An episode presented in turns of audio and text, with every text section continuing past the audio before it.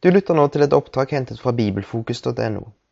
Du kan kopiere det fritt i uforandret form til egen bruk eller til venner, men publisering på internett eller annen form for massedistribusjon er ikke tillatt. Det er heller ikke tillatt å fjerne denne meldingen. You are now listening to a recording from bibelfocus.no. E B-I-B-E-L-F-O-K-U-S dot N-O.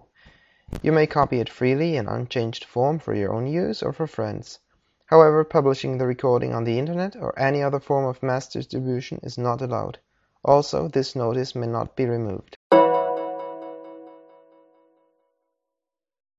You might want to open your Bibles in Ephesians, that's our focus in this next session. kan åpne Bibelen i Efeserbrevet.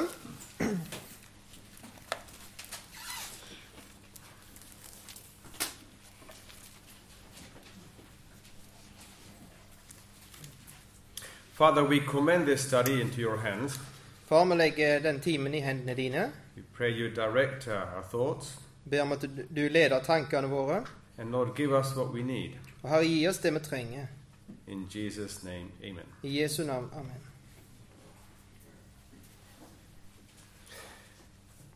Now, I hope a number of you have already received a little chart like this. Jeg håper at de fleste av dere har fått en, en oversikt som denne. Mine is bigger, but it's black and white, and yours is smaller, but you have the benefit of colors. Min er større, og, er- men er svart-hvitt. og Deres er mindre, men den, dere har den fordelen at den er i farger. Um, I developed this little chart uh, a month or so ago, and I was reading through Ephesians a number of times. Vi lagde den oversikten for et par måneder siden. og Leste gjennom Efeserbrevet flere ganger på rad. I find that if you can structure a book or a letter, then somehow it helps you find things and handle the book. Og jeg har funnet det at Hvis du klarer å finne en struktur i boken, så er det lettere å få ting til å falle på plass når du skal håndtere boken. Fortunately, the Apostle Paul is fairly logical in his thinking, so it makes it a bit easier to structure. Og Heldigvis er apostelen Paulus ganske logisk i tenkningen sin, så det er relativt lett å strukturere. The book of James, for example, I've tried many times to structurize James, but to no effect. Jeg har mange ganger prøvd å, å finne en struktur i Jakobs brev, men jeg har ennå ikke klart det. James is like an artist, like a jazz band player. Jakob han er som, som en, en kunstner, en, en jazzmusiker. There you get the guitar and then the pipes, and then it, comes, it changes between themes. Mu- mu- Og de de forskjellige musikkinstrumentene veksler mellom de forskjellige temaene. If you try to structure it, you damage it. Og Hvis du prøver å lage struktur i det, så ødelegger du det. but Ephesians lends itself for a, an easy structure. Men Efeserbrevet er relativt lett å strukturere. And what I suggest is to try to have a mental photograph of this little chart, and it'll help you find things in, in the book of Ephesians. Og jeg foreslår for dere at dere har et mentalt bilde av, av dette her, i, så, så det er lettere å finne fram til ting i, i brevet. Now, six chapters. Det er seks kapittel. Some would like to have seven, but no, no, it's six chapters. Noen tenkte seg sju, men det er seks kapitler. And the first three are doctrinal chapters, and the second three are practical chapters. Og de første tre er læremessige kapitler, de siste tre er praktiske. 50 50. 50-50. Now, that's typical of the Apostle Paul to start with doctrine and then go on to practice. Og det er typisk for apostelen Paulus å begynne med lære og så fortsette til praksis. And that's a reminder that good practice needs good doctrine. Og det er en påminnelse om at god praksis trenger god lære. And that good doctrine of itself is no goal. Og at god lære er ikke noe mål i seg sjøl, That good doctrine is the basis for good practice. men at god lære er basis for god praksis. Now, I'm inscribed to a magazine called Christianity, a British magazine. Jeg abonnerer på et eh, britisk magasin som heter Christianity. Just to give, I live in Holland, so that gives me a bit of a feel of what's happening in the UK, what's happening among Christians in the UK. Men Jeg bor i Holland, men det gir meg litt oversikt over hva som skjer blant kristne i, i- i England, i Storbritannia. I don't read it all, but I flip through one or two interesting articles, and it gives me a bit of a feel. Jeg leser ikke hele, jeg blir gjennom det og leser et par interessante artikler. Because what happens in the UK rapidly goes to the rest of Europe. For det som skjer i Storbritannia, det sprer seg som oftest til resten av Europa. In the last but one issue, there were three pages, an article three pages, about the atheist church in London. Og i siste utgave så var det eh, tre sider om ateistmenigheten i, i London. Have you heard of the atheist church? Har dere hørt om ateistkirke? It's quite a new phenomenon, Det er et ganske nytt fenomen. and is growing quite a lot in London. Og det vokser ganske kraftig i London. So, from the photographs, uh, in the magazine. It looks like a normal church, Utover bildene i bladet så, så det ut som en vanlig menighet. but they're all atheists. Men alle er ateister. So they sing songs about being good and wonderful creation, or lo- a wonderful not creation, a wonderful world. Og de synger sanger om å være god og en fantastisk, om en fa- fantastisk verden. They have times for sharing testimonies about life. Og de har- har ti- tider der de deler vitnesbyrd om livet. They have a speech uh, uh, about uh, funny kind of speech about being a good citizen Og de har en, en slags tale, litt morsom, om å være en god borger. and how to face difficulties in life. Og hvordan du skal møte, møte vanskeligheter i livet. So very similar to a normal church, just that without God, just that little, little detail. Det er Ganske likt ei ei vanlig menighet, bare den lille detaljen at eh, Gud mangler. So it was a bit of a provocative article Og det var en litt provoserende artikkel. asking the Christian churches, why is this happening? Are we not providing what they're looking for? Og s- så stilte spørsmål til de kristne menighetene hvorfor skjer dette. Er det for at vi ikke gir folk det de ser, er på jakt etter? But one of the commenters made an interesting observation. Men en av kommentatorene hadde en interessant observasjon. He said, I can't see this lasting long term. Han sier at jeg kan ikke se at dette kommer til å ha- ha noe langvarig eh, effekt They're- til vare. i noe They're lenger. providing a practice without a story, without a doctrine.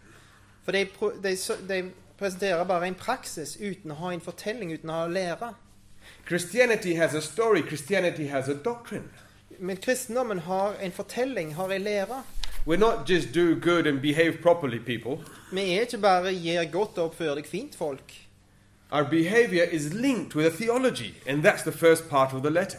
For, men vår oppførsel er kobla til teologi, og det er den første delen av brevet. There is a revelation about good and bad and about life thereafter. Det er en åpenbaring om godt og ondt, og om livet heretter. And that good doctrine is there to encourage us to have a good life. Og denne gode læra er for å oppmuntre oss til å ha et godt liv. So the first uh, three chapters are doctrinal. Så de første tre kapitlene er læremessige. And I noticed that in these first three chapters, we find Paul praying twice. Og jeg legger merke til at i de første tre kapitlene så finner du at Paulus ber to ganger. The second half of chapter 1 is a prayer, and the second half of chapter 3 is a prayer. Den andre de- halvdelen av kapittel 1 er en bønn, og den andre halvdelen av kapittel 3 er en bønn. Oh, that's interesting. Det er jo interessant. And then between those two prayers, I was looking, what else have we got between? And the word mystery comes in a number of times. Og hvis vi ser på det som er imidler, hva har vi imidler? Det er jo ordet hemmelighet opp- dukker opp flere ganger. The first mystery is focused around Christ, Den første hemmeligheten er fokusert rundt Kristus, and the second mystery about the body of Christ, the church. og den andre hemmeligheten rundt Kristi legeme, menigheten. So I thought, oh, that's a nice way to structure the first hi- uh, three chapters Og det er jo en fin måte å strukturere de første tre kapitlene. mystery, prayer, mystery, prayer. Hemmelighet, bønn, hemmelighet, bønn. If you like sandwiches, you got one. Hvis du liker sandwicher og smørbrød, så har du dette.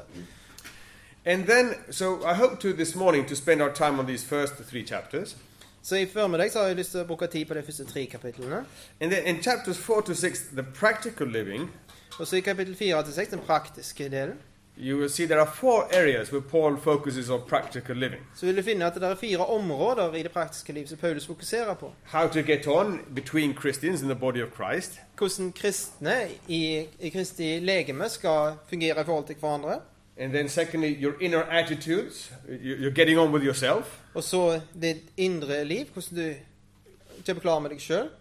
Thirdly, your social connections as a husband, as a wife, uh, as a child, uh, as an employee, as an employer. Og så det sosiale livet som, som mann og kone og unger, arbeidsgiver, arbeidstaker. High theology has a practice on these normal, has an impact on these normal day to day things. Og for høy teologi har en, en innflytelse på praksis, på disse her hverdagslige tingene. And then finally, the Christian and the spiritual world. Og så til slutt den kristne og den åndelige verden. So tomorrow we'll hopefully start with chapter 4. Så i morgen vil vi forhåpentligvis begynne med kapittel 4. Now, if we go to Ephesians chapter 1, Hvis vi går til kap- Efeserbrevet 1, perhaps we could read um, verses 1 and 2. så skal vi lese vers 1 og 2. Paulus, ved Guds vilje Jesu Kristi apostel, til de hellige i Efesus som tror på Kristus Jesus. Nåde være med dere, og fred fra Gud, vår Far, og Herren Jesus Kristus. Paul is writing to the saints in Ephesus. Paulus skriver til de hellige i Efesus. Are you a saint? Er du en hellige?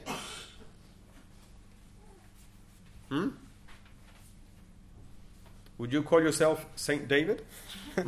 Du kalte deg selv for Sankt David, Or your own name? eller ditt navn. The word saint, I found it nine times in this uh, short letter. Ordet hellig finner du Nei, nei In, nine times. ja, finner du ni ganger i dette brevet.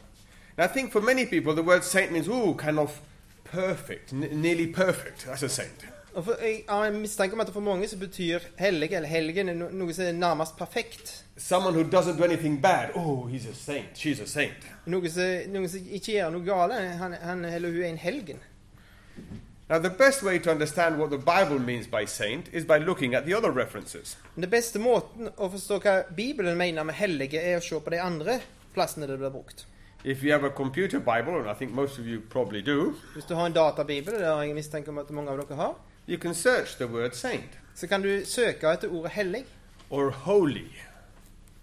The word saint and holy are the same Same. thing. Also in Norwegian? Yeah. Um, good, that makes the search easier. Og det er lettere å søke det samme ordet på norsk. And then you find, for example, that a person can be holy. Og da finner du at en person kan være hellig. You find later that a nation, a holy nation, a group of people can be holy. Så finner du senere at en nasjon, en gruppe, gruppe med folk, kan være hellige. Then you find that Aaron has some special clothing which are called holy clothing. Og så finner du at Aron hadde spesielle klær som var kalt- ble kalt hellige klær. And then you find a bowl of water in the tabernacle with holy water. Og så finner du ei skål med, i tabernaklet med hellig vann. The Sabbath is called a holy day. Og sabbaten ble kalt en hellige dag. In the tabernacle there are holy utensils. Og i, i tabernaklet er det hellige redskaper. Moses said, Take your shoes off, you're on holy ground. Og Moses får beskjed om å ta skoene av, for han er på hellige grunn. When you look at all these holy words together, you think, now what does holy mean? Og hvis du ser på alle disse hellig-ordene i, i, i lag, så tenker du hva betyr hellig? Was the clothing of Aaron holy because it was white? Var Aron sine klær hellige pga. at de var hvite? Was it holy because it was boiled and boiled and all the microbes and all the infections were kind of, you know, just uh, zero infection, holy clothing? Var de hellige pga. at de var kokte om og om igjen, sånn at det ikke var noen som helst bakterier, og det var fullstendig fri for infeksjoner? No. Nei. In fact, it was quite a, co- had some colors on, the, on his clothing. Faktisk var det farger på klærne hans. And I can imagine him getting a bit dirty when he was doing what he had to do. Og jeg kan forestille meg at han ble litt skjeten når han gjorde det som han måtte gjøre. If someone would invite Aaron or his sons to play football, Hvis noen ville invitert Aron eller sønnen hans til å spille fotball, he would say, Yes, wait a minute, I need to take my holy clothing off and put my football clothing on. så ville han sagt ja, men vent et øyeblikk, jeg må ta av meg de hellige klærne og ta på meg fotballklærne. Holy was not that it was so clean and so, it was that it was special clothing for a special task. For Hellige betydde ikke at de var så rene, men at de var spesielle klær for en spesiell, en spesiell oppgave. If the wife of Aaron would say, Could you bring some holy water for my tomato plants? Og hvis eh, kona sa til Aron kan du ta med deg litt hellig vann til tomatene mine, Then Aaron would say, No, I can't do that. så ville Aron sagt nei, kan ikke det. Not because the water was so clean, Ikke for at vannet var så rent, is that that water had a special function. It was there for a special function and it was not for tomato plants. men for at det vannet hadde en spesiell funksjon. Det var til for en spesiell oppgave, og det var ikke til for tomatplanter. So we get the idea that the word holy means more like it's set apart for something special. Så du får den ideen om at, det, at det hellig betyr at det er noe som er sett til side for et spesielt formål.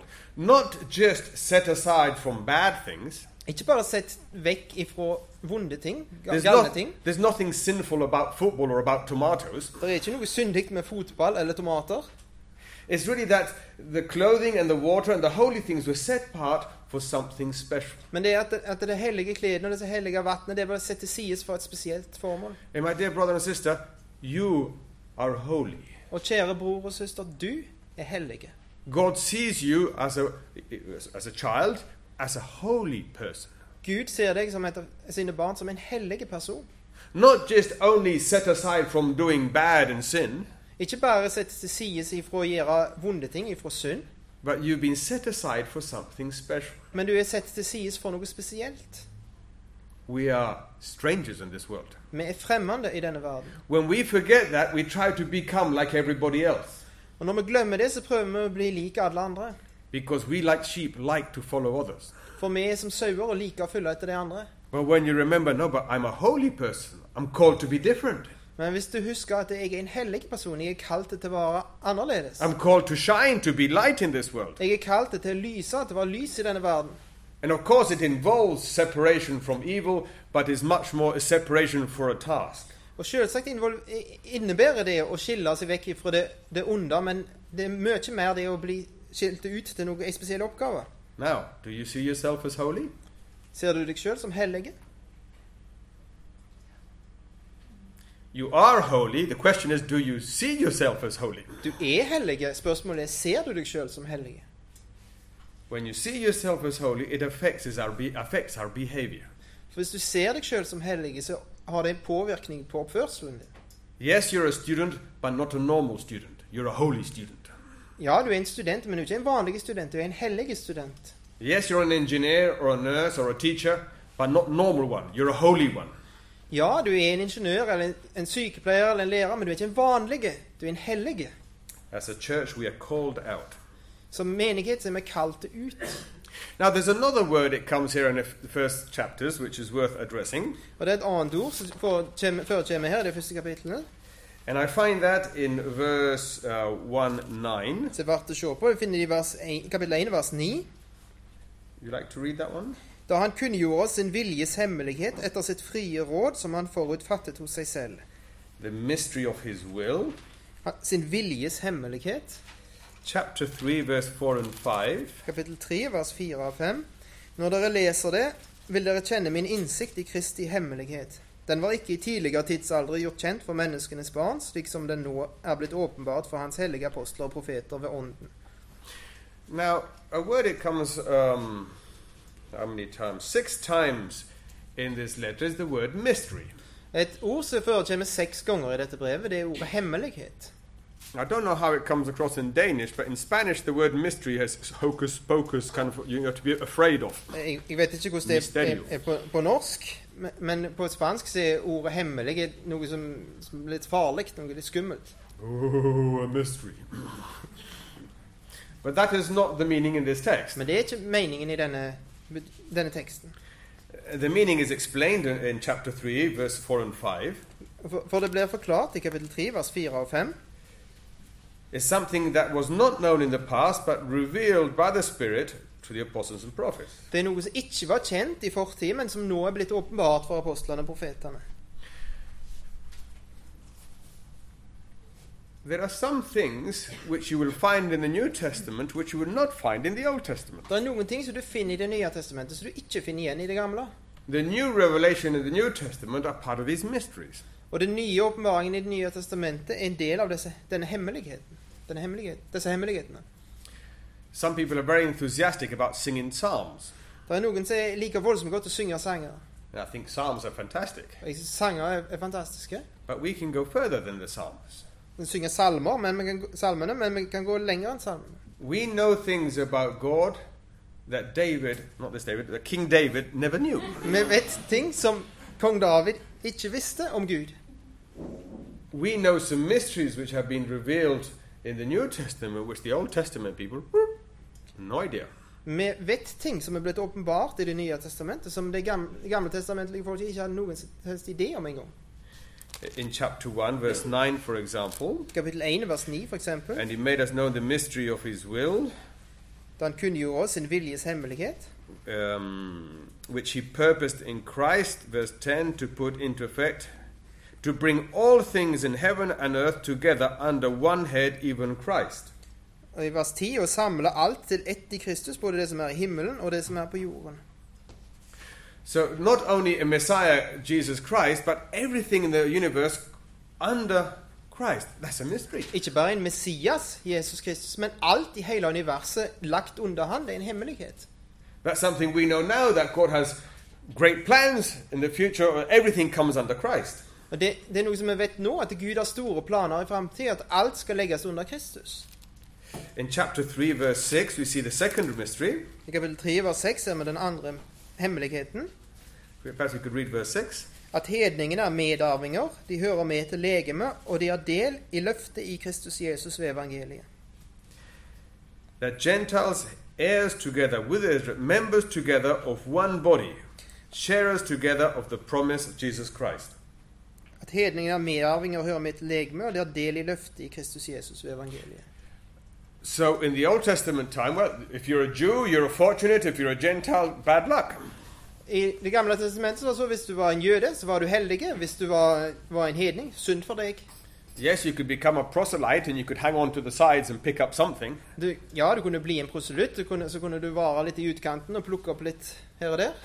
but in the New Testament we get the mystery revealed about the church, the body of Christ. Men i Det nye testamentet så får vi åpenbart hemmeligheten om menigheten om Kristi legeme. Um, now, this idea that the church has been revealed in the New Testament is a very important idea. Og denne tanken om at menigheten er blitt opp, åpenbart i Det nye testamentet, det er en voldsomt viktig tanke. It's a mystery which the Old Testament didn't know about, and the New Testament revealed through Paul the mystery of, of the church. En hemmelighet som ikke, Det gamle testamentet ikke kjenner til, kjenner til, som ble åpenbart gjennom Paulus, nemlig menigheten.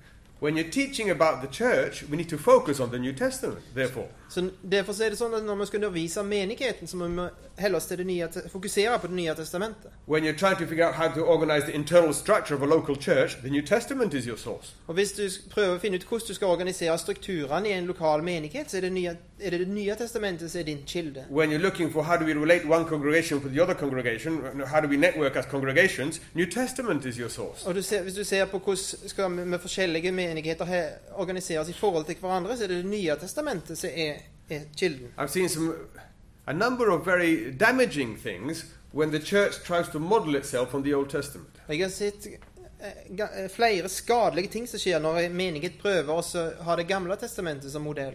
When they try to model uh, the priesthood of a few with special garments and a special group, and the rest are the laity. Når de pr- prøver f.eks. å lage et prestedømme av de få med spesielle klær og spesielle roller, og de andre blir lekfolket. In the New Testament, we see the priesthood of all believers. Og I Det nye testamentet så ser vi alle troende som prester. I see sometimes where we take the Levit, the um, purification laws of the Old Testament, and we try to apply them to the church. Og Av og til så ser vi at en tar renselsesforskriftene i Det gamle testamentet og prøver å anvende det på menigheten.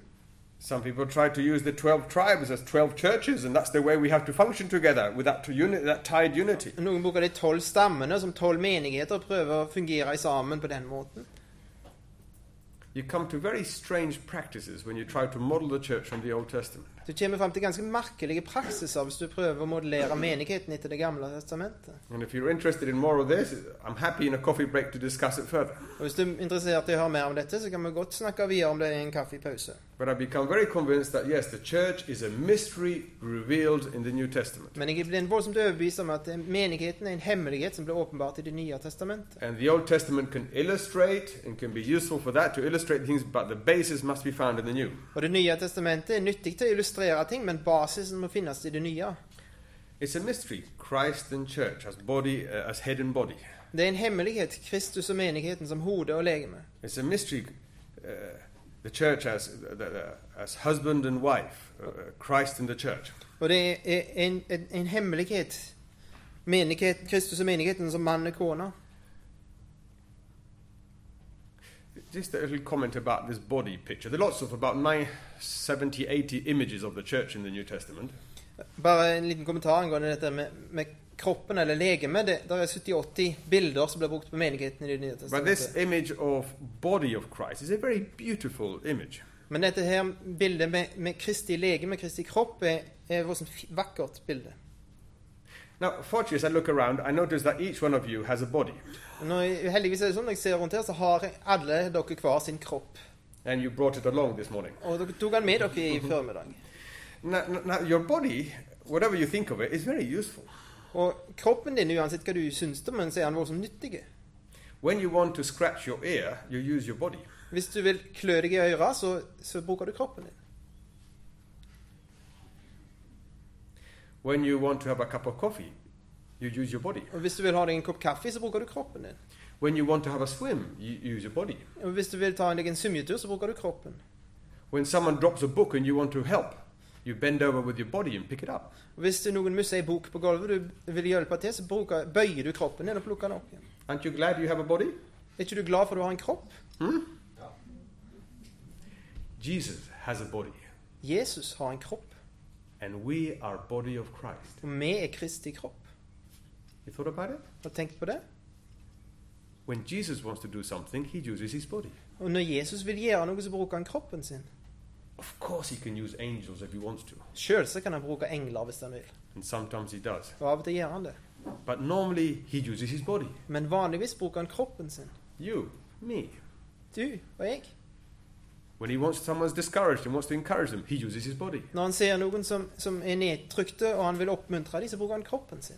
When someone's seeking Christ, he uses his body. Og noen, når noen søker Kristus, så bruker han kroppen sin. When someone's hurting, he uses his body. Når noen har det vondt, så bruker han kroppen sin. It fills with dignity Christian ministry. Og det fyller kristen tjeneste med verdighet. But we need to proceed. Men vi må fortsette. Now, there's a third expression. We've seen holy, mystery. The third expression is in Christ. Det er et tredje uttrykk. Vi har sitt hellig, vi har sitt hemmelighet, men det tredje er i Kristus. In the first three chapters, I found in Christ um, 27 times. I de første tre kapitlene så finner jeg i Kristus 27 ganger. In Christ, 10 times. I Kristus 10 ganger. In the Christ, 3 times. Og i Kristus i bestemt form. In, 10 Jesus, times. in Jesus, once. I Jesus én gang. In the Beloved, once. I den elskede én gang. In Him, 3 times. I han tre ganger. In whom, 7 times. I han som sju ganger. In Himself, twice. I seg selv to ganger. Add them up, 27 times. 27 ganger til sammen. Now, when you stop and think, what does it mean in Christ? Og når du stopper opp og tenker etter, hva betyr det i Kristus? I know we Christians use that expression a lot in our songs, in our letters, and so uh, united in Christ, all these kind of pretty words. Og jeg vet at vi kristne bruker det ofte i sanger, i brev vi skriver, forent i Kristus og all slags fine ting. But sometimes it's good to stop and think, what, what does it really mean? Men av og til så er det godt å stoppe opp og tenke hva betyr det egentlig? Now, in 2007, after 15 years in South America, we came back to Europe. I, tj- i 2007, et, et, etter how many years? It was 15 years in Etter Colombia. 15 år i Colombia, så kom vi tilbake til Europa. Um, we decided to go to Holland because my wife comes from Holland. Vi bestemte oss for å reise til Holland, for kona mi kommer derifra. And, um, well, my mother in law lives in Holland. Svigermor mi bor også i Holland. So um, she's the only daughter, so we thought, well, maybe it's good to be back here closer to Holland. Hun er den eneste datter i familien, så det kanskje, vi tenkte, tenkte det var kanskje bra å være, reist- være i nærheten. You know, I've taken her away for 20 years now. Maybe you should, uh, for these last years, be closer by. Jeg har tatt henne vekk ifra fra henne i 20 år nå, så kanskje nå- nå de siste årene så skulle hun være i nærheten. But one of the problems of going to Holland was learning the language. Men et av problemene med å reise til Holland, det var å lære språket. I, I'm not particularly good at languages. Jeg er ikke spesielt god i språk. But during these last six years, I've had to work at Dutch. Men de siste, siste eh, årene så har jeg pr- måttet arbeide med, med nederlandsk. What it's done to me is that it's made me m- much more aware of words. Og det som det har gjort med meg, er at jeg blir må- mye mer oppmerksom på ord. And I realize even when you ask what precisely does this word mean, many Dutch people, are, I don't know, we, we, no, we just throw it in there. Og av og til når du sp- spør hva betyr dette her ordet nøyaktig, så er det mange n- nederlendere som sier jeg vet ikke egentlig, men bare bruker det. So when we study God's word, too, then words mean something. They're not empty boxes. Men når, når vi leser Guds ord, så, så er, betyr ord noe. Det er ikke bare tomme bokser. They're not just flowers to fill up the page. Det er ikke bare blomster for å fylle opp sidene. You know, they mean so. It's good to stop sometimes and think, God, what does it mean then? Og det er godt å stoppe på av og til og så tenke hva betyr det egentlig? In Christ has to do with our position in, as, as our position as Christians. I Kristus har noe å gi med, med vår stilling som kristne å gjøre. There's an interesting bus journey between the town of Iwague and the capital Bogota in Colombia. Det er en interessant bussreise me- mellom Iwague and Iwague Bogota. og Bogotá i Colombia. It's about five hours journey, and you go down, you cross a big bridge, and you zigzag up the mountains and all the way down the Andes until you come to Bogota. Ja, det er en lang, interessant reise med svingete veier.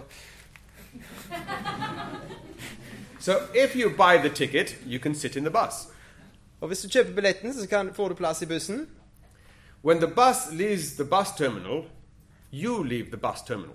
Og når bussen forlater bussterminalen, så forlater du bussterminalen. Why do you leave the bus terminal? Hvorfor forlater du bussterminalen? Because you're in the bus. Jo, for du er i bussen. When the bus crosses that big uh, bridge of Cajamarca, Og når by- byen s- passerer den store brua ved Karamarka, you cross the bridge. så krysser du òg brua. Why do you cross the bridge? Hvorfor krysser du brua? Because you're in the bus. Jo, du er i bussen. If the bus starts going up the mountain and happens to fall off, Og hvis bussen beveger seg opp gjennom fjellene, og så tilfeldigvis ramler kjører ut forbi, you fall off. så kjører, blir du òg med ut forbi. Simply because you're in the bus. For du er i bussen, ganske enkelt. Let's hope that doesn't happen. La oss håpe at det ikke skjer. You arrive safely in Bogota Og du har, kommer trygt frem til Bogotá. simply because the bus arrives safely in Bogota and Guys. you're in the bus. Ganske enkelt for at bussen kommer trygt frem til Bogotá, og du er i bussen. I think that ha- carries a bit the idea of what it means to be in Christ. Og jeg tror det har, har litt med det det betyr å være i Kristus. There are lots of blessings we have, privileges, because we are in Christ. Og det er, det er mange velsignelser, privilegier, som har for meg er i Kristus.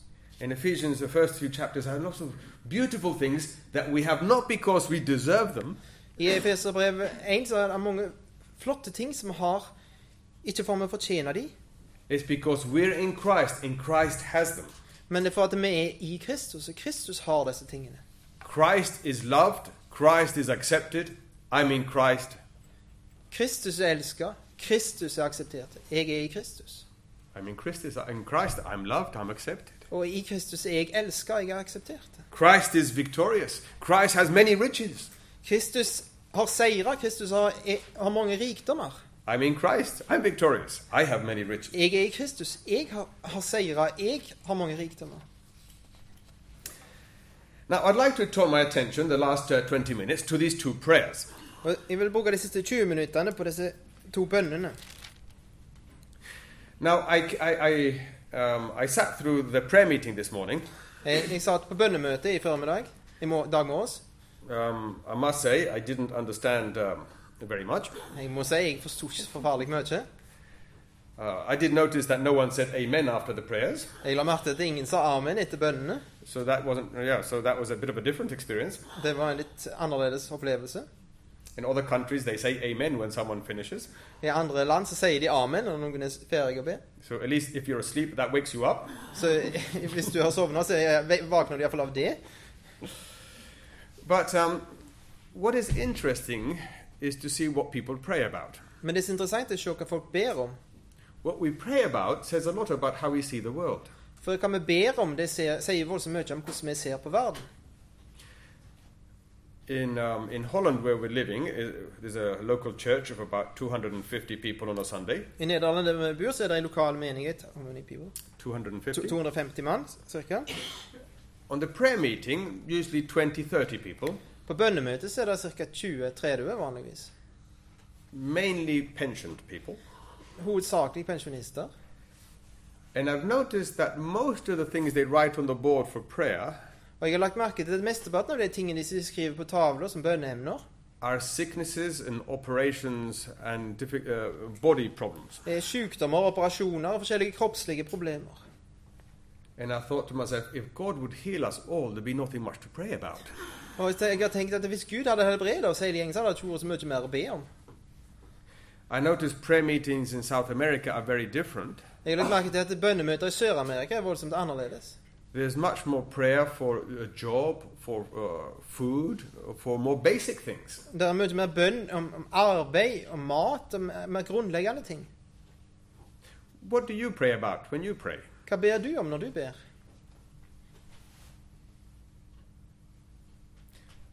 That says something about how you see the world. Det sier noe om hvordan du ser verden. A few years ago, someone, a friend in England, sent me a book about the prayers of the Apostle Paul. For eh, en tid tilbake så sendte en venn i England meg en bok om, om apostelen Paulus sine bønner. I remember reading it and thinking, God, He does pray quite different from the way we pray today. Og jeg tenkte Oi sann, han ber ganske annerledes enn enn vi ber i dag. I'm sure there were sick people uh, 2,000 years ago. Jeg er ganske sikker på at det var sjuke folk for 2000 år siden. I'm sure there were people with uh, hunger and needing a job and lots of other difficulties 2,000 years ago. Og jeg er sikker på at det var folk s- som var sultne og trengte en jobb for 2000 år siden. But Paul focuses a lot of his prayer on the inner man. Men Paulus fokuserer ganske mye av bønnene sine på det indre mennesket. The issues he prays for are a reflection of what he thought, what are the real needs of these people in Ephesus? For det, det, han, det han ber om, reflekterer hva han tenker om Er de egentlige behovene til disse folkene i Efesus? We'll go fast through the prayers because our time, Vi skal gå raskt gjennom disse bønnene for, for tida. but I hope I just whet your appetite to look a bit more at Paul's prayers. Men jeg håper at jeg har skapt litt appetitt hos dere til å se nøyere på Paulus sine bønner. Of course, we can pray for sicknesses and, uh, and, and food and, and work, Selvsagt kan du be for syke og be om, om, om mat og arbeid. but let's go further and see how Paul prays. Men la oss gå videre og se hvordan Paulus ber. Um, let's start with ch- the first prayer, La oss starte med den første bønnen. verse 15. For this reason, ever since I heard about your faith in Lord Jesus, love for all the saints, I have not stopped giving thanks for you, remembering you in my prayers. Derfor, etter at jeg har hørt om deres tro på Herren Jesus og om deres kjærlighet til all- alle de hellige, holder jeg ikke opp med å takke Gud for dere når jeg minnes dere i mine bønner. It's just an observation. Det er bare en observasjon. Paul was thankful for his brothers and sisters in Ephesus. Paulus var takknemlig for brødrene og søstrene sine i Efesus. We know there were problems in the church in Ephesus. Vi vet det var problemer i menigheten i Efesus. We know that Paul left Timothy behind to sort out some of these problems. Vi vet at Paulus lot Timoteus være igjen for å rydde opp i en del av disse problemene. Yet Paul, every time he thought about them, he kept on thanking, oh, Lord, thank you for these people in Ephesus. Men likevel så var det sånn at når Paulus tenkte på disse, takket han Gud for disse folk i Ev- i Efesus. How do you pray for your children? Hvordan ber du for ungene dine? Oh, all the problems with your children? Alle problemene med disse ungene? And praying for problems? Ber du for problemer? When you look at your Sunday school group or your club or your club of children, Når du ser på søndagsskolegruppa di, can we be thankful for every child? So, God, so, so thankful that God made them, that they, they're there. kan vi, kan vi ta, være takknemlige til Gud for at Gud har skapt dem, for at de er der? When you think of your local church, Så du tenker på den lokale forsamlingen. the longer you stay there, the more problems you see. Til lenger du er der, til mer problemer ser du. And we can become a bit cynical in our, perspe- our perspective of the church. Og vi kan bli litt kyniske når det gjelder vårt perspektiv på menigheten. But Paul was thankful, did not stop giving thanks for you. Men Paulus var takknemlig. Han slutta ikke å takke for dem. Maybe good, not just to thank for food and clothing, but thank for fellowship. Thank for that we, we we have this brother, this sister in our middle. Og det er kanskje godt å ikke bare takke for mat og klær, men takke for fellesskap. Takke for at vi har denne broren og søster iblant oss. Verse 17 brings a mystery to me. Vers 17 gir meg en hemmelighet. Verse 17 I keep asking that the God of, of our Lord Jesus Christ, etc., etc. Jeg ber om at vår Herre Jesu Kristi Gud, Herlighetens Far osv. It's what I call the paradox of prayer. Det er, er paradokset i bønn. There's a mystery in prayer. Det er, det er noe, mer, noe mysti, mys- mystisk med bønn. Why did Paul have to keep on praying? Hvorfor Why- måtte han fortsette å be? Did God not listen the first time? Hørte ikke Gud første gangen? If God had listened and he wanted to do it, why, why keep on? Og Hvis Gu- hvis Gud hadde hørt det, hvorfor skulle han fortsette? There's definitely a mystery surrounding prayer. Det er helt klart noe mystisk når det gjelder bønn. Now, see, see, we see this a bit when the disciples asked the Lord Jesus to teach them how to pray. Men vi ser det når, når apostlene spurte Herren Jesus om, om å lære dem å be. The apostles never asked, Lord, teach us how to throw out demons De spurte han aldri Herre, lær oss å, å hive ut demoner. or give us a teaching, teach us how to preach Eller lær oss å forkynne. or teach us how to set up a church. Eller lær oss å starte ei menighet. But yes, teach us how to pray. Men ja, lær oss å be. be. I say, oh, that's a bit of a simple question. You should ask Jesus a more difficult one. Men det er jo et enkelt spørsmål. Du burde jo spurt Jesus et litt vanskeligere et. There is something we can lo- le- grow in, in, in praying. Og Det, Det er noe vi kan vokse i når det gjelder bønn. In this first prayer, then he turns on to ask for three things.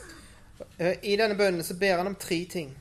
Um, verse 17 Vers 17. that you may have the spirit, that he may give you the spirit of wisdom and revelation, that you may know him better. At han må gi dere visdomsåpenbaringsånd til kunnskap om seg, eller om han.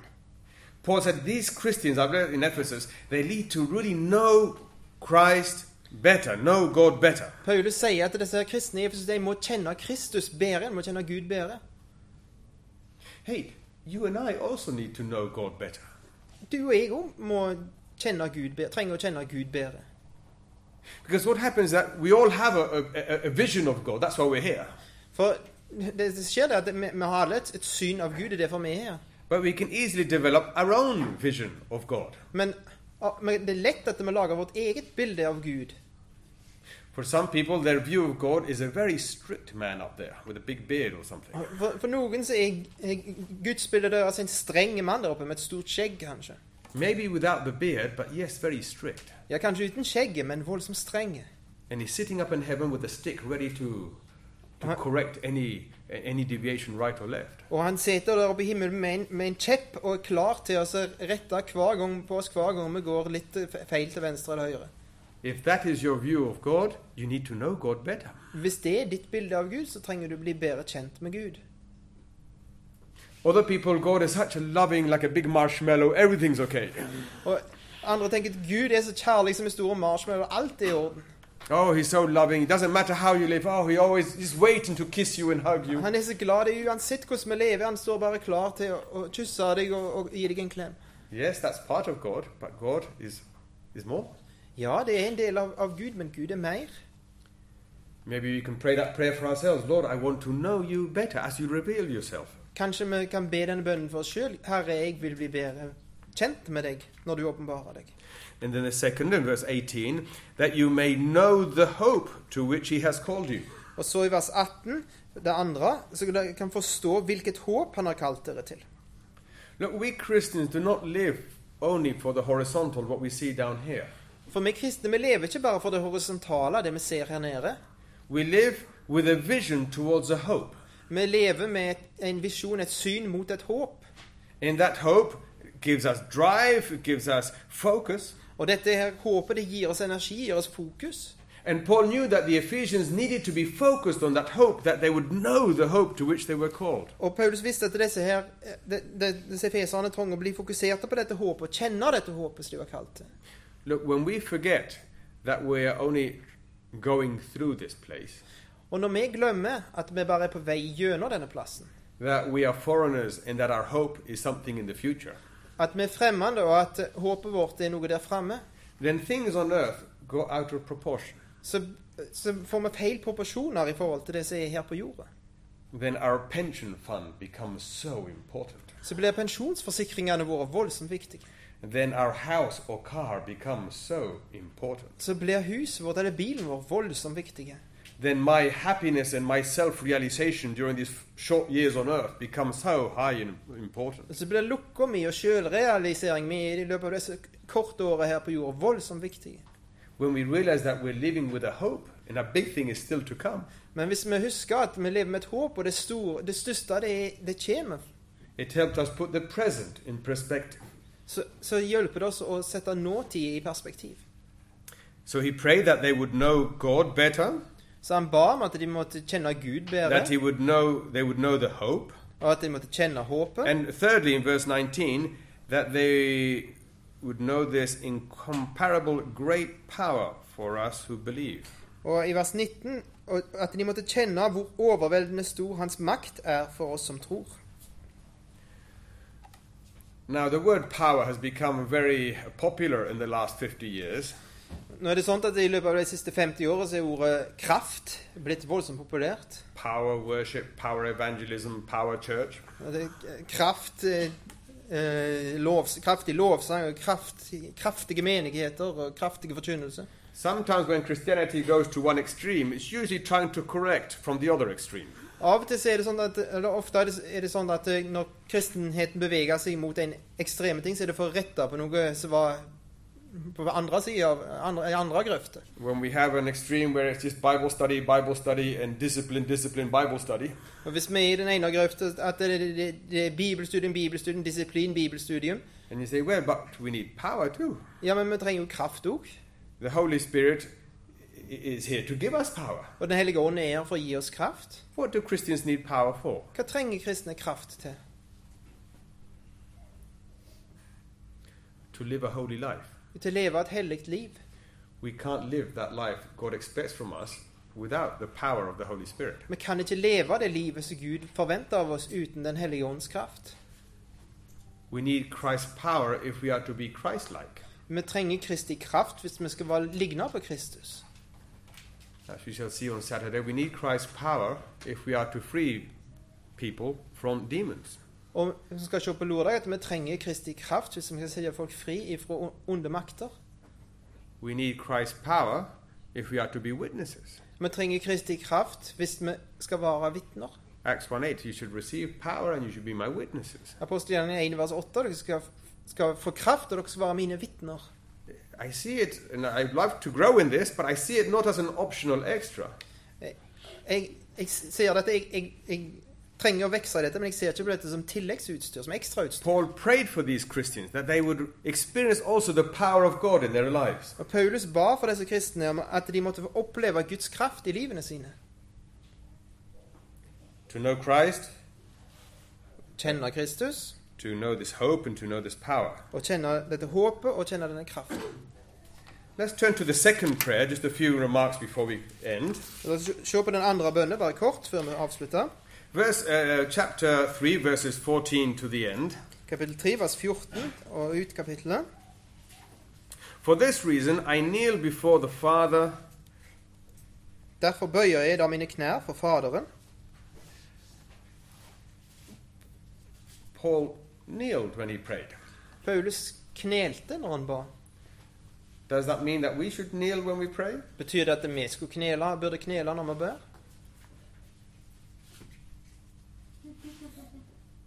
I noticed this morning in the prayer meeting we were kneeling.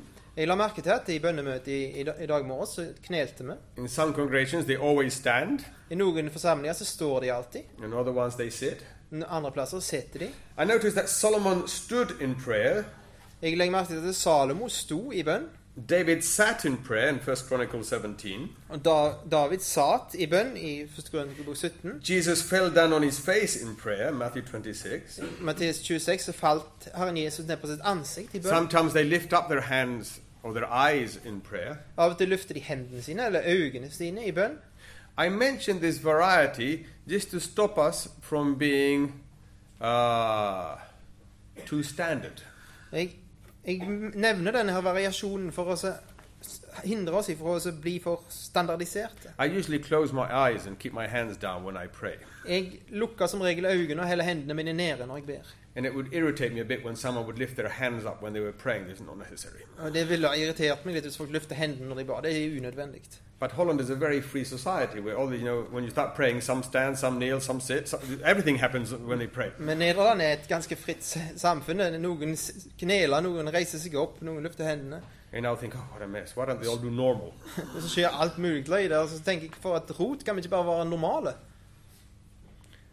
But why is closing the eyes normal? Men hvorfor er det lukka øyne normalt? No one in the Bible closes their eyes when they pray. Og det er ingen i Bibelen som lukker øynene når de ber.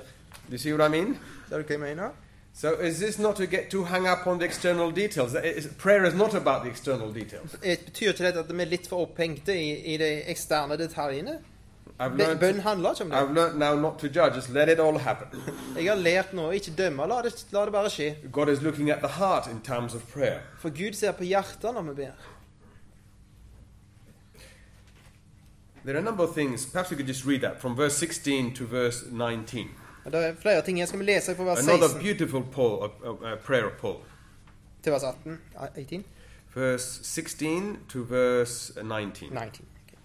Jeg ber om at Han etter sin herlighets rikdom ved sin ånd må gi dere styrkes med kraft i det indre mennesket. At Kristus må bo ved troen i deres hjerter, for at dere, rotfestet og grunnfestet i kjærlighet, sammen med alle de hellige, kan være i stand til å fatte hva bredde og lengde, høyde og dybde her er, og at dere må kjenne Kristi kjærlighet som overgår all kunnskap, så dere kan bli fylt til hele Guds fylde.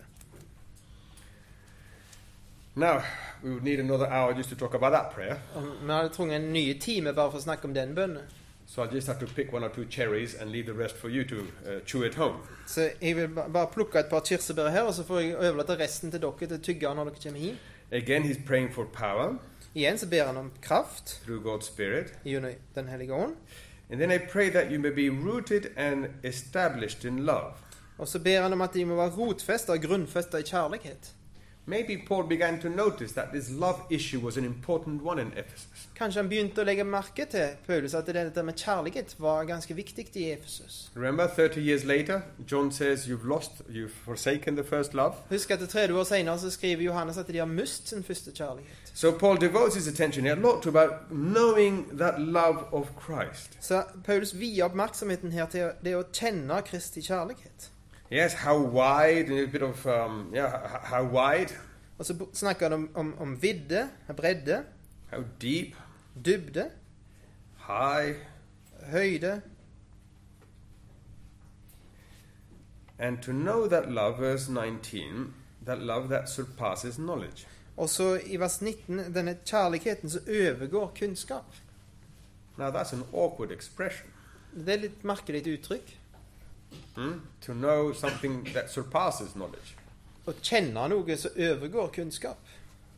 He definitely wants the Christians in Ephesus not only to know, of course, you and I know that we're loved and that Jesus died for us, we know all that. Han ville ikke at, bare at de skulle, skulle kjenne, for vi vet med, med hovene våre at, at Kristus elsker oss. og Vi elsker han. I'm sure if we had an exam about Jesus' love or God's love, we all get nines and tens here. Og jeg, jeg eh, er sikker på at hvis vi hadde en eksamen om Guds kjærlighet her, så ville vi alle fått ni eller ti av ti. But the knowing in the sense of experience, uh, uh, feeling yourself loved by God. Men å kjenne i, i forstand, den forstand at vi, vi, vi, vi kjenner at vi elsker av Gud. Vi erfarer det. Look, I'm a bit uh, made a bit on the intellectual side. Jeg er jo litt sånn int- intellektuelt skrudd i sammen. I find it difficult to move if I don't understand. Jeg syns det er vanskelig å, å le av og bevege meg hvis jeg ikke forstår. So if I need to know God's love, understand God's love before I can enjoy it, I'll be limited in my experience of God. Og hvis jeg må forstå Guds kjærlighet før jeg kan erfare den, så blir jeg v- voldsomt begrensa i min kunnskap om den. To know this love that surpasses knowledge. Å kjenne denne kjærlighet som overgår kunnskap. If you're a bit wired like I am, Hvis du er sånn sammenskrudd som meg, just be a bit careful. så vær litt forsiktige. We can't understand it all. Vi kan ikke forstå alt dette. Something surpassed knowledge Det er noen ting som overgår kunnskap. about God's love, Det har med Guds kjærlighet å gjøre. about prayer. Det har med bønn å gjøre. There's a number of things that you can't really completely under the Trinity. Lots of things you can't really Det understand. er noen ting, treenigheten òg, som, som du ikke skikkelig kan forstå. And if you limit your experience of God to only the things you understand, you'll have a limited version of Christianity. Hvis du begrenser din erfaring av Gud til det du, verk- det du forstår fullt ut, så vil du ha en begrensa versjon av kristendom. We need to learn to enjoy even those things that just go beyond our understanding. Vi må lære oss å glede oss over de tingene som overgår vår forstand. Another little cherry here. Et annet lite kirsebær her. He says that you may be rooted and established in love. Han sier at, det, at de må være rotfesta og grunnfesta i kjærlighet. There's a picture of biology being rooted and a picture of maybe civil engineering about being established. Det er et bilde fra biologien om å være rotfesta, og kanskje et som har med med arkitektur eller noe sånt å gjøre, om å være grunnfesta. We need the stability, we need um, to be established in love. Vi må være, bli etablerte i kjærlighet. Have our foundation firmly on love. Vi har, har grunnvollen vår trygt festa på kjærlighet. It has to do with our identity. Det har noe med identiteten vår å gjøre. Now, sometimes we are, we think we are what we are because of what we do. Men av og til så tenker vi at vi er det vi er pga. det vi gjør. especially with men. Spesielt med mannfolk. Who are you? Hvem er du? An engineer. En ingeniør? A job. Det er En jobb? Sometimes mums can have their identity because of their children. Who are you? A mum. Kanskje Av og til har mødre sin identitet i ungene. Hvem er du? En mor. And when the children want to go home, you get a crisis. Og når, når ungene flytter ut, så får du, ei- kommer du til ei krise i livet. Some people have their identity on what they have. Noen har sin identitet i det de har. I'm somebody because of my big house, inheritance, my big car. Jeg er noe på grunn av det eh, fine huset mitt, på grunn av den store bilen min. Sometimes we can link our identity to our reputation, Av og til kobler vi identiteten vår til ryktet vårt. even Christians. Til og med kristne. I'm a Christian leader, Jeg er en kristen leder. or I'm a singer, Eller jeg er en synger. Sanger. I'm an elder. Jeg er en eldste. Now, these are things we do that doesn't have to do with our identity. Og Det er ting som vi gjør, da. Ingenting med identiteten vår å gjøre. And Paul wanted these Christians to be rooted and established in love. Og Paulus ville at disse skulle være rotfesta og grunnfesta i kjærlighet. You are, you're not what people say you are. Dere er ikke det som folk sier dere er. You're, you're not what you feel you are, your feelings. Det er ikke det du føler du er, følelsene dine. It's who you are in God's sight. Men det er hvem er du i Guds øyne. We can be established in that love. Hvis vi kan være etablert grunnfesta i den kjærligheten. I like the word rooted because it's like it's more living. Jeg liker ordet rotfesta, for det er mer levende. And you know what roots do to a tree or a plant? They, they bring, it sucks up the nutrients Du through the vet, roots. vet hva røttene gjør for ei plante eller et tre? Den su su suger opp, de suger opp næring. And if you and I are rooted in God's love, Og hvis du og jeg er rotfesta i Guds kjærlighet, where do we get that energy hvor får vi energien ifra? to carry on in ministry, to carry on in our difficulties of life? For, for å fortsette i en tjeneste, så fortsetter vi vanskelighetene i livet. Rooted in love, we're sucking up that from God's love for us. Og det var rotfesta i, i, i Guds kjærlighet vil suge opp dette til oss. Our identity based on God's love. Vår identitet basert på Guds kjærlighet. Now it's time to stop. Nå er det tid å s- slutte A conclusion. og konkludere. We've seen how important doctrine and practice are together. Vi har sett hvor viktig lære og praksis er i sammen. Don't allow yourself to be living under lots of good intentions, practice without the doctrine. Ikke tillat at du, blir, du, du bare lever med forskjellige gode hensikter og praksis uten lære. We need the time to study and to learn doctrine because that leads to practice. Vi lær- trenger tid til å lære og studere det læremessige, for det fører til praksis. But I would say that practice is not automatic. Men jeg vil si det at praksis kommer ikke automatisk. I've seen fightings between Christians who know a lot of Bible. Jeg har sett krangler mellom kristne som vet mye om Bibelen. I was 20 years old when I was invited to a meeting in London to solve some problems between churches. Jeg ble, var 20 år gammel da jeg ble invitert til et, et møte i, i, i London for å så ordne opp i en del problemer mellom men, noen menigheter. I remember even putting a tie on. I felt very honored to be invited, so I put a tie on because I hated ties, but I put a tie on for that occasion. Jeg hata slips, men jeg følte meg så beæra av å måtte få være med der at jeg tok på meg slips. And after a while, the discussion got very hot with about 20 brothers. Og etter en stund så ble s- samtalen voldsomt oppheta mellom disse rundt 20 brødrene. Some of them got even red in the face of kind of annoying anger. Noen av de ble ganske rauge i ansiktet, skikkelig sinte. It did a lot of damage to my Christian life. Det gjorde ganske stor skade på det kristne livet. If these are the people that speak in conferences and, and know so much Bible, it doesn't seem to work for them. Hvis dette er det folket som som taler på- som underviser i Bibelen og taler på konferansene, så ser det ikke ut som det virker så voldsomt for dem. God's goal with God's word is not to make big headed people. Og Guds mål med Guds ord er ikke også å lage folk med store hoder, As John Stott calls them, tadpole Christians. eh, som, som John Stott kaller de rumpetrollkristne. A big head and a little, little body. Det er store hoder som en bitte liten kropp. No, he wants the theology to lead to normal practice living, Nei, han vil at, at teologien skal føre til et normalt kristenliv, to be more like Jesus. til å bli mer lik Jesus. Secondly, in our conclusion about holiness. Og det, for det andre vår, har vi konkludert angående hellighet. You and I are holy, not just separated from evil, but separated for a mission here on earth. Du og jeg er hellige, ikke bare separerte ifra, sett til side fra det onde, men, men også til, til et oppdrag her på jorda. And thirdly, may we pray for ourselves also, Og for det tredje, la oss be for oss sjøl òg. to know God better, At vi må kjenne Gud bedre, to know this hope better, og kjenne dette håpet bedre. and to know more of this power of the Spirit better. Og kjenne denne kraften, i åndens kraft, bedre. If Christians in Ephesus needed it, you and I also need it. Og hvis det er kristne i Efesus trenger det, så trenger du og jeg det òg.